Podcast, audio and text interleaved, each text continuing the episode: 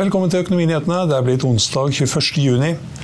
Nordic Nanovektor har forsket på kreft i mange år. Nå er det tilsynelatende ny start, og vi har med oss administrerende direktør Ludvig Sandnes i selskapet.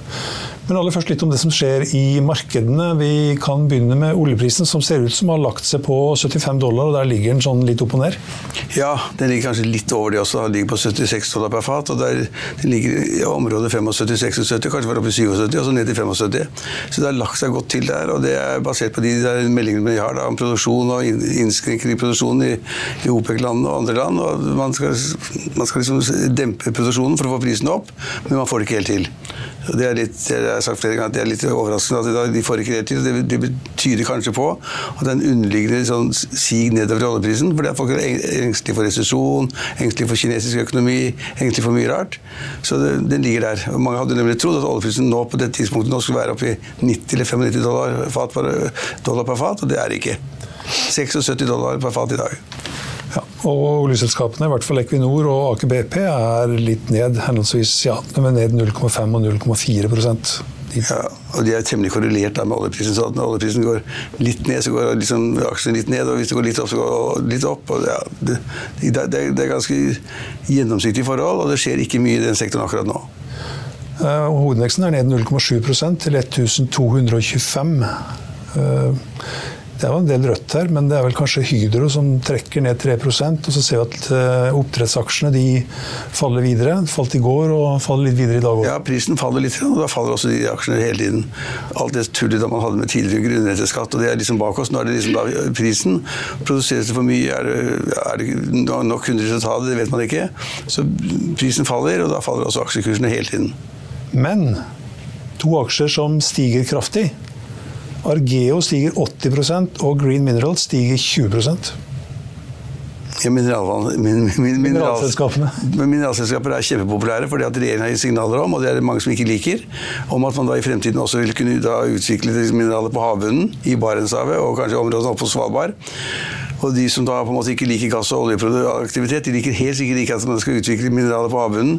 Hvilket er et enormt langt altså, perspektiv for å få det til. Da man skal liksom få konsesjoner, skal man lete, og så skal man da sette i gang en eller annen form for produksjon da, med gravemaskiner på havbunnen, og så skal man få det opp igjen. Jeg tipper at det er usedvanlig vanskelig. slik at Hvis aksjekursen reagerer positivt nå, så er det en ren og rå spekulasjon på det at man er glad for at man får disse konsesjonene og muligheten til å etter, lete etter mineraler på havbunnen. Altså, først har vi oljen, så har vi gass, og så skal vi jaggu meg finne noe på havbunnen havbunnen også. Utover, ja, skal bli selv, selvforsynt. Skal vi havvind? Havvind, ikke sant? Vi er heldige. ja, vi skal, bli, vi skal bli selvforsynte på mineraler. Ja, det, mineraler, ja, mineraler er det er litt komplisert for meg, men det, er, det, trengs man i masse forskjellige sammenhenger. Industrielt og elektronikk og mye rart man trenger det. og det, Noen sier at det vil bli mangel på alle mulige mineraler etter hvert. Det har jeg ikke peiling på. Men når da regjeringen, den norske regjeringen sier at vi skal liksom gi adgang til å lete etter det, så reagerer selvfølgelig aksjemarkedene litt spekulativt og setter da få kurser opp. Vi har eh, et par andre òg som ikke det er noen god forklaring på. Ehm, PC Biotech opp 13% Avilco Drilling opp 13% Det har blitt en sånn eh, litt spekulasjonsaksje, det òg. Solstad Offshore opp 10% Kanskje de tror at eh, det blir bruk for offshorefartøyer òg, til denne mineralutvinningen? kanskje. Ja. Havila, kanskje? Eh, kanskje vi skal si litt om Havila. Ja. Ned 6% i dag også, til 1 krone 15 øre. Ja, for det bør vi kanskje si noe Jeg skal være veldig forsiktig med det selskapet, for jeg kan litt om det. Men, eh, men eh, det interessante ved saken det er det at Havila trenger penger. fordi de skulle ha fire skip i, i, i fart langs kysten. Og så har de ikke fått de skipene, så det ligger to års forsinkelse for to av skipene. Og de har fått, fått to fra et tyrkisk verft. Og så har finansieringen har vært gjort gjennom da, russiske finansieringsselskaper, leasingselskaper. Og det er ikke veldig populært for tiden. Så de har da mistet på en måte i at først mistet finansieringen av skivene og lette etter ny finansiering. Det er vel kjent. Og den finansieringen, Da snakker man om 4 milliarder kroner. Og det har de ikke fått til. Og for å få det til, så har da liksom man hatt en emisjon hvor man da får mer egenkapital inn i selskapet. Og hvis man da fikk mer egenkapital, så skulle man også da få mer lån. Så det kunne bli 4 milliarder i totalt. Men det man, det man gjorde for å få da egenkapitalen på plass, og det var de gamle eierne som da gikk inn, for, gikk inn, med det meste, de, kursen lå på ja, det, er ikke, det er ikke et halvt år siden de hadde emisjon på 20 kroner, og så var det 12 kroner. Og for to-tre dager siden så var aksjekursen 5 kroner. og så hadde de emisjon på 1 krone og 10 øre. Mm. Det er klart at det er det samme som å, å, å, å utslette de gamle aksjonærene. for Hvis de da ikke blir med å utøve sin relative andel, i sin relative andel, så vil nye aksjonærer da liksom ta kontroll med selskapet til en latterlig lav kurs. Så Derfor tvinger man de gamle aksjonærene til å være med, selv om de kanskje ikke har pengene engang. Så det er ganske tøft. Og da ramler dette selvfølgelig kursen da, fra de fem kroner til én krone og ti øre til da, den emisjonskursen. Så de solgte aksjer i markedet for én krone og ti øre, og da måtte selvfølgelig børskursen sikre det samme. Og det, og det, og det er, det er det er en ganske tøff operasjon, men det, si, det positive er at de gamle eierne, Sevik-familien, at de på en måte er de som har puttet inn 60 av den nye kapitalen til denne ekstremt lave kursen. Det betyr at de andre aksjonærene i selskapet de er på en måte borte. Hvis ikke de tar de sine siste sparepenger, mhm. putter selskapet de også. Og så har man helt, fremdeles usikkerhet, usikkerheten med om de får da lånt obligasjons, altså det obligasjonslånet de løper etter. Om de får de pengene i markedet, de vet ikke noe om. Og hvis de ikke klarer å skaffe penger til obligasjoner, så vil da bortfalle også tegning, tegning av nye egenkapitalen. Og da har selskapet ikke penger igjen. Vi kan kanskje nevne da, grunnen til at vi skal være litt forsiktige med det, at du er styreleder ja, ja. kurrenten Hurtigruten. Så vi, jeg følger med som bare det. Jeg, jeg, jeg syns nesten faktisk litt synd på dem. Jeg synes liksom at de da ikke lykkes med finansiering. Det er fordi det var handler med et russisk selskap. Det kunne du ikke vite på forhånd. Ja, vi kan også ta med da, at um, på børsene i ja, vi kan ta Krona svekker seg litt igjen, og det er kanskje i påvente av rentemøtet i morgen. Noen tror at det kanskje bare blir 0,25 igjen? Ja, altså De fleste tror at det blir 25, altså en kvarting. Noen tror at det blir 50 eh, rentepunkter. 0,5 eh, prosentpoeng. Det er, det er veldig vanskelig å si. Jeg har hele tiden hele tiden at Norges Bank måtte øke med, med 50, 50 rentepunkter, og at en kvarting var for lite. Fordi at inflasjonen er for høy. Det er fremdeles inflasjon i Norge på 6-7% Og den inflasjonen skal vi ha ned, den prisveksten skal vi ha ned på 2 En stabil 2, 2 vekst. Det, å komme dit krever altså man strammer ganske kraftig inn. At folk må låne mindre penger og bruke mindre penger i Norge. Derfor kan vi kanskje få den prisveksten ned på, på 2 Og da er en kvarting for lite, tror jeg. Men nå er det veldig mange som har begynt å snakke om at kvarting er for lite, så nå må man kanskje ha da 50 eh, rentepunkter, og det, det, er, det er, sånn 50-50. Men jeg tror at Norges Bank, hvis de skal få gjort det de skal, så er de nødt til å ta ganske kraftig i. Men hvis de gjør det, så vil det påvirke kronekursen ganske kraftig også. Mm. Og det kan tenkes at det er en dobbelt hensikt at hvis vi setter renten høyt, så vil utenlandske investorer bruke mer penger på norske kroner, etterspørre norske kroner, for renten er høyere i Norge enn i andre land. Det vil si at rentedifferansen går i norsk favør hvis den gjør det. Så da spekker man altså på rentedifferanser at Norges Bank bryr seg om valutakursen. I prinsippet skal ikke Norges Bank bry seg om valutakursen i det hele tatt. De skal kun sikte mot å få prisveksten ned til 2% Men jeg tipper at jeg har et lite sideblikk til, til, til kronekursen også, fordi at den er blitt så svak. ikke sant? Er, ja, mange mener at den er altfor svak. Det er bra for eksportindustrien, men veldig da, lite heldig for de som skal kjøpe varer i utlandet. Det er ikke bra. Så det er mange som hevder at norsk realøkonomi krever nå det at man får en høyere kronekurs. Selv om det gjør det litt vanskelig i utlandet, men på den annen side så blir det ja, litt bedre for de mange som har lån. Det kan jo tenkes også at um, de som er utenfor Norge, tenker så at hvis vi setter opp med et halvt prosentpoeng, så er det et sånt valutakurselement i det ja, et kriseelement, at de av den grunn flykter fra krona. Ja, da, man kan tenke seg masse. Det er, klart at eh, noen flykter fra krona uansett, fordi at krona er en liten spiller i det internasjonale eh, valutamarkedet. Og at når, i, litt vanskelige situasjoner så flykter folk fra krona uansett. Men, er, men, så har vi liksom oljeindustrien, vi har overskudd på statsbudsjettet, vi, er, vi, har en sterk økonomi. Og hvis man da øker renten ganske kraftig, så tror jeg det at akkurat nå så vil nok en del internasjonale investorer gå søke krona for å få en høyere rente. Mm. Vi kan eh, ta med hvordan det står til på børsen i Europa. Det er eh, ned i London og i Frankfurt og i Paris med 0,3 til 0,4% I Milano er det opp 0,2, i Madrid er det flatt, og Stox 600 er opp, uh, unnskyld, ned 0,3% men så noe jeg liksom glemmer det, altså det, det, som er, er, interessant når det gjelder valuta, altså valutakurser, og det som skjer i de enkelte land, er at i dette tilfellet så er det 100% sikkert at det blir en endring. at, at sentralbanken setter opp styringsrenten. Det er ikke 99, det er 100 sikkert. Jeg kan si 99,9 da. De kommer, til, de kommer, til, å sette opp styringsrenten, for de må gjøre noe på det nivået vi er. Ofte så innbyr den type til en form for spekulasjon. Men akkurat så ligger da liksom kronekursen helt stabilt, for alle vet at renten skal opp. Alle vet det, men de vet bare ikke hvor mye. I morgen får vi vite det. I morgen får vi vite det. Ja. Jeg kan også ta med hvordan det kommer til å åpne, eller i hvert fall ser ut til å kunne åpne, på børsene i New York. Eh, Dow Jones ligger an til å åpne opp 0,2% samme for SMP 500, og Nasdaq ligger an til å åpne opp 0,3 I kryptomarkedet så gjør bitcoin et hopp. Eh, over 29 000 dollar igjen, opp 3 i dag. Eh, Ethereum også stiger 2% til 1822,93.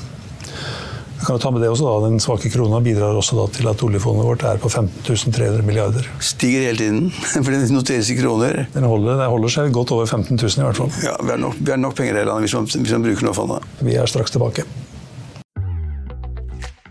Vil du bli oppdatert på det viktigste som har skjedd innen finans og næringsliv? Da er det bare å følge med, for hver morgen er jeg, Marius Lorentzen og aksjekommentator Karl Johan Malnes på plass i studio for å ta tempen på dagens marked i Børsmorgen. Og hver ettermiddag oppsummerer vi alt du trenger å vite i økonominyhetene, og det blir selvfølgelig masse interessante gjester.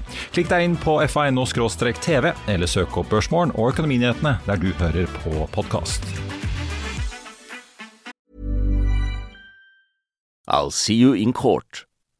Vi sier det ofte litt på spøk, men for deg som driver business, er det aldri moro å innse at du ikke har laget en 100% gyldig kontrakt. Du bør ikke risikere hele firmaet ditt fordi du synes dette med kontrakter er litt stress. En avtale er ikke en avtale. Du kan miste kunder, miste venner, ja, til og med miste inntekter om du ikke lager en skikkelig kontrakt, på alt mulig, egentlig. Men vi vet det er et styr. Kopimaskiner, treg printer og haugevis av papir. Dessuten stoler vi jo på folk her i landet. Det er ofte litt kleint å skulle be om en signatur for alt mulig, ja, for mye av styret handler også om jakten på underskriften. Det finnes en enkel måte å løse dette på, Dukkobit, en trygg, effektiv og get this, gratis måte å sikre seg en god natts søvn pluss en juridisk bindende avtale. Dukkobit-appen har de strengeste sikkerhetskrav i bunn, samt en EU-godkjent og sertifisert teknologi. Framover vil det bli behagelig å spørre du, skal vi skrive under på det, eller? Kom i gang på dokobit.no.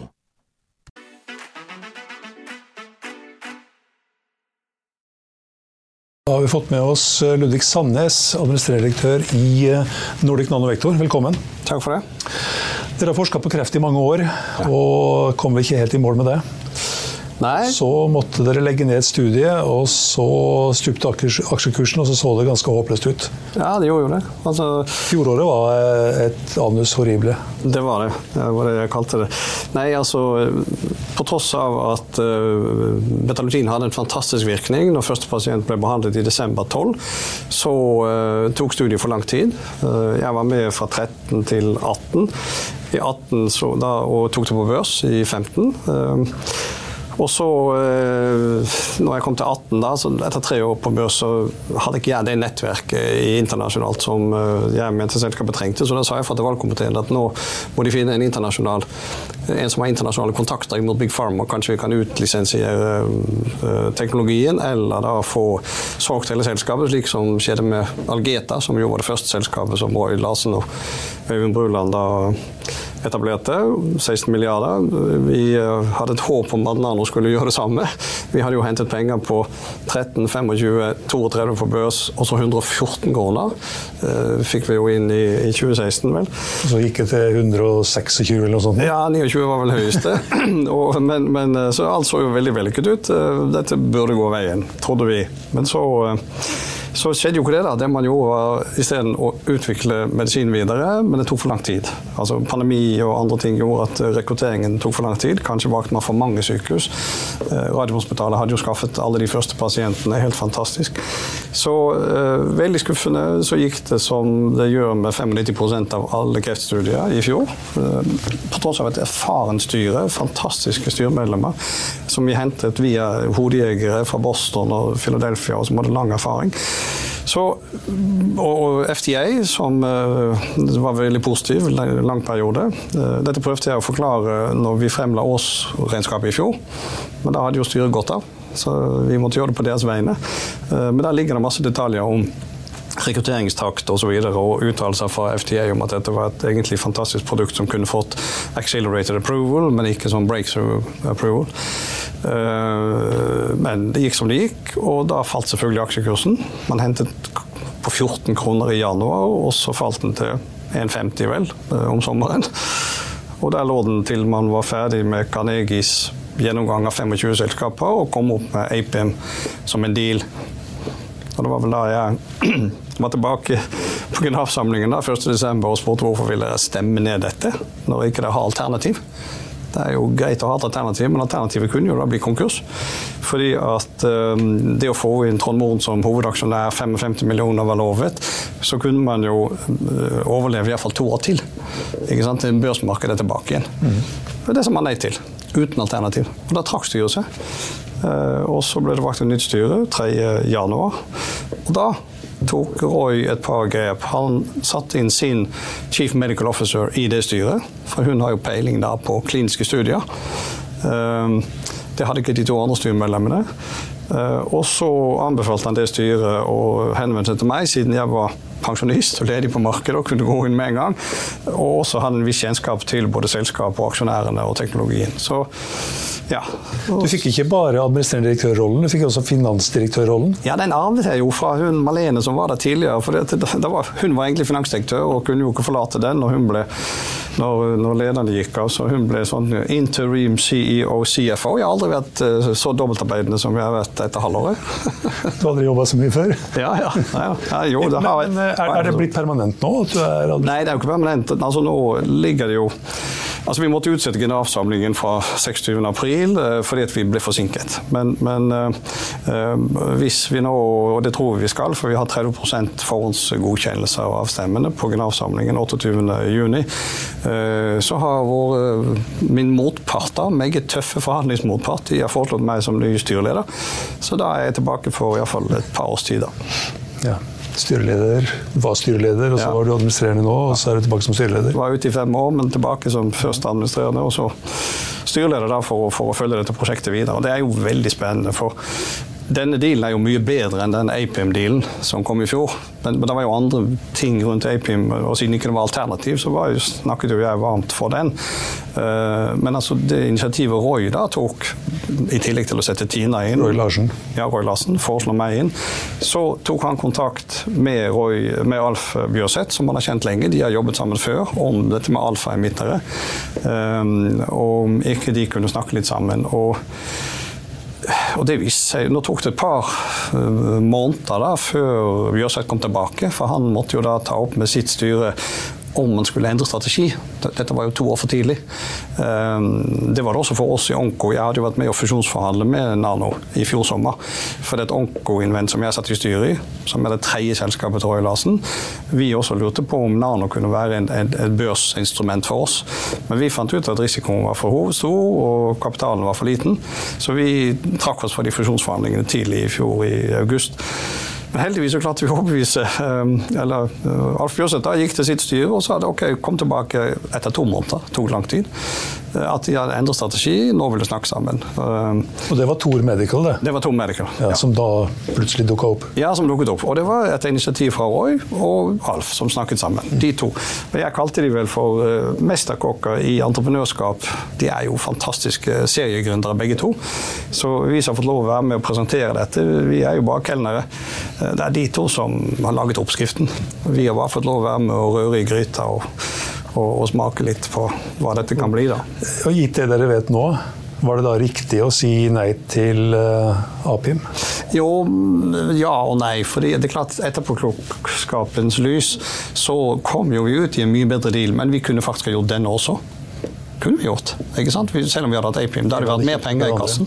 Ja, hadde kanskje gått lettere. For vi, vi, eh, hadde hatt mye mer penger i kassen da til å forhandle med, med Tom Medical. Så, det er jo hypotetisk. Men, men, eh, det er klart Tom Medical i seg selv er jo en mye bedre deal i den forstand at vi skal lage en fabrikk sannsynligvis på Herøya, som de har planlagt. Det er jo et område som Alf Bjørseth kjenner siden sin tid i Hydro.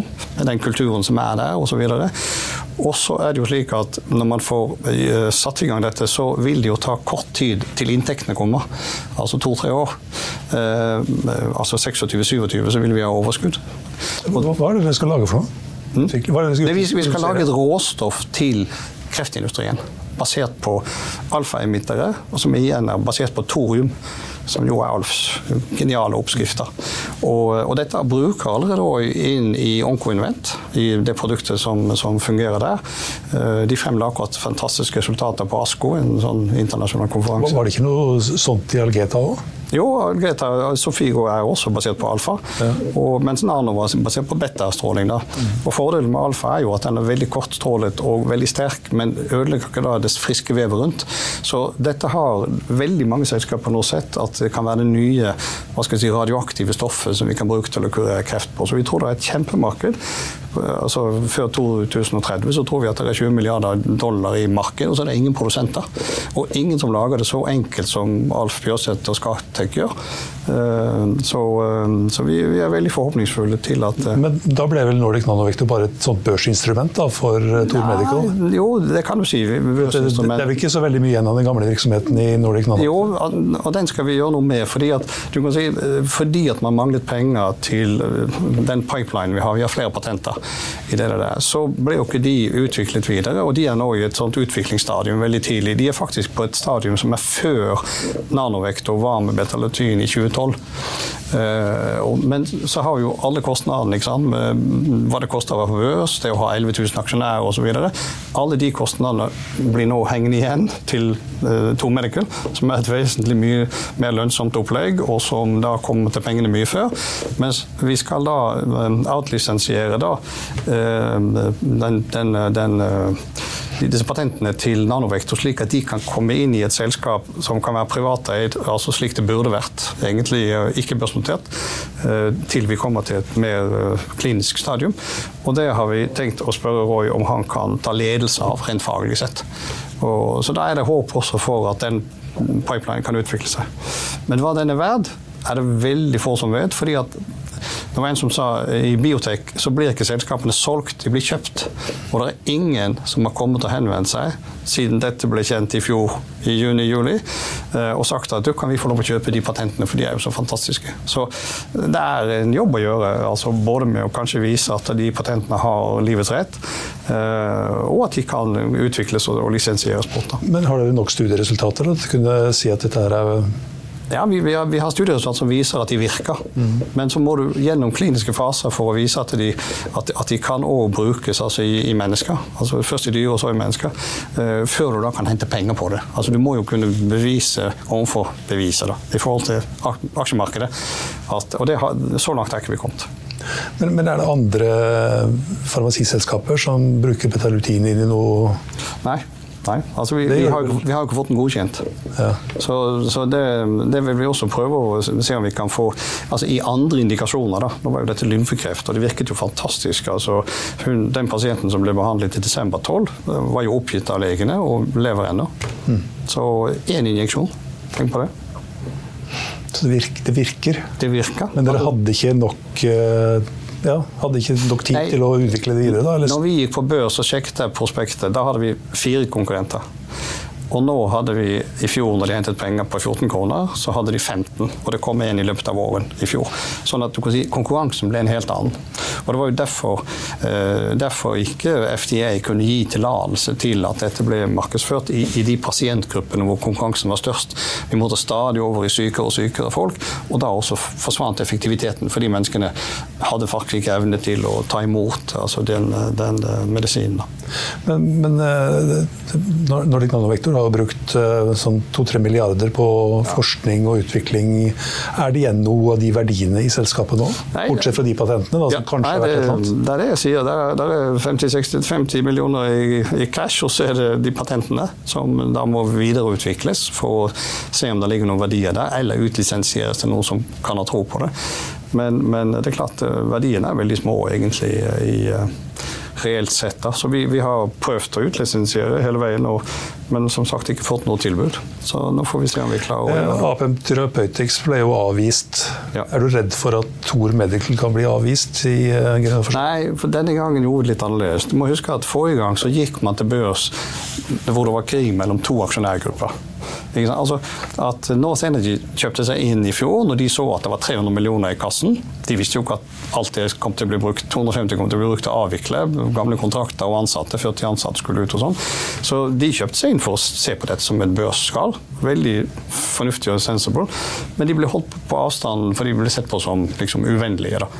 Og så var det den andre gruppen som, ble, som noen klarte å, å, å samle fullmakter på Facebook og sånn. Som, som, da fikk litt flere stemmer. Uh, denne gangen, så fort jeg ble ansatt 1.2, så tok jeg kontakt med North Energy, snakket med dem, presenterte meg, og så håpte jeg å kunne trekke dem inn i prosessen. 3. mars var jo presentert et to-tre case for dem anonymt. og Spurte hvilke kunne dere tenke deg å være med på. Det ene hadde, eh, hadde altså inntekter, positive inntekter, hadde vist at de kunne tjene penger. Litt case, men interessant. Safe pluss Tom Medical, hvor vi hadde noen søyler og noen eh, marginer. og sånn, Så sa de ah, Tom Medical, det så mer spennende ut. Vi vil gjerne vite om det. Så jo, tok vi det på innsiden, og de har vært med i forhandlingene ever since og vært veldig konstruktive og positive. Og så har vi samlet inn ved å wallcrosse da, eh, når dette nærmet seg. Det var jo, Vi holdt på helt til 1. juni, før vi var sikre på at dette gikk i orden. Eh, så wallcrosset vi de store aksjonærene, og nå har vi altså ca. 30% forhåndsgodkjennelse. Og da skal det møte veldig mange på den generalforsamlingen, og alle de må stemme imot for at vi ikke skal få de to tredjedels flertallet vi venter. Så jeg hvordan, hvordan, blir eierfordelingen i det nye selskapet? Ja, altså, nå, siden vi har avtalt 50-50, som var en ganske tøff forhandling, egentlig Vi begynte på 20 og det, da holdt de på å reise.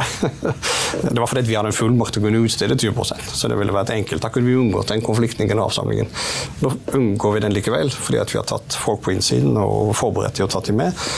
Men, eh, men øh, øh, da, det gjør jo at Skatek, altså de som er Skatek Scatec og deres si, 60 aksjonærer da, i Tormedical, de, ja, de, de, vil jo da sitte med halvparten av eh, eierforholdet i, i det fremtidige selskapet. Og så ja, og, og, Nano vil da sitte med den andre 50% ja, og så da blir vel, I og med at det er Scatec Innovation og det er Bjørseth i det, så vil vel den få sånn 25% Ja, ca. 25 er det vi ja. Mm -hmm.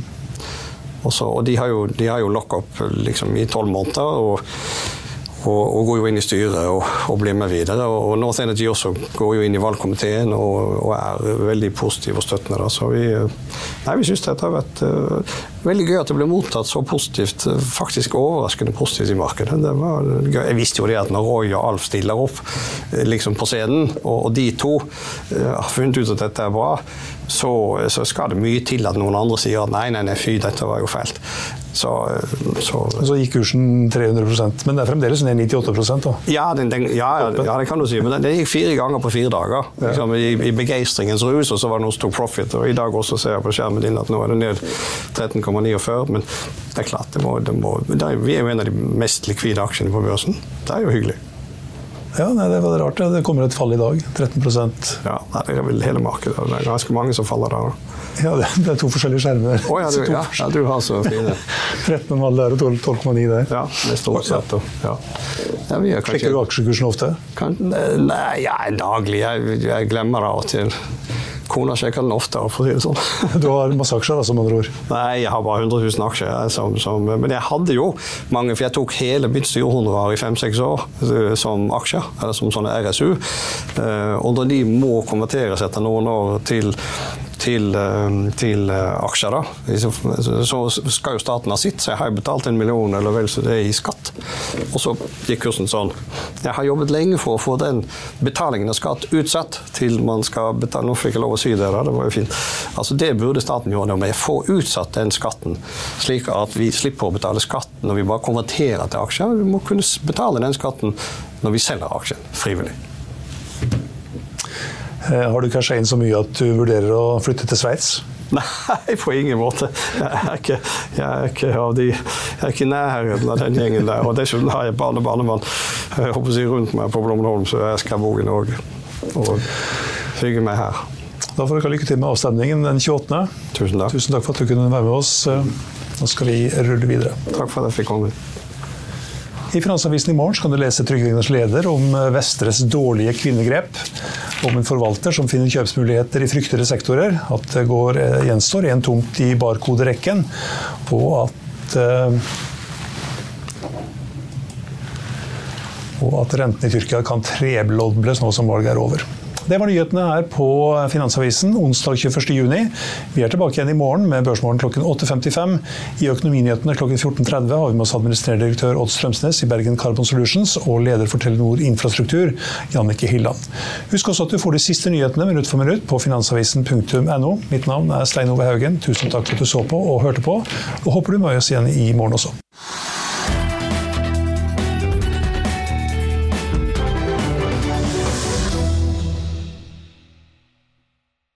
Økonominyhetene er en podkast fra Finansavisen. Programledere er Marius Lorentzen, Stein Ove Haugen og Benedikte Storm Bamvik. Produsenter er Lars Brenden Skram og Bashar Johar. Og ansvarlig redaktør er Trygve Hegnar.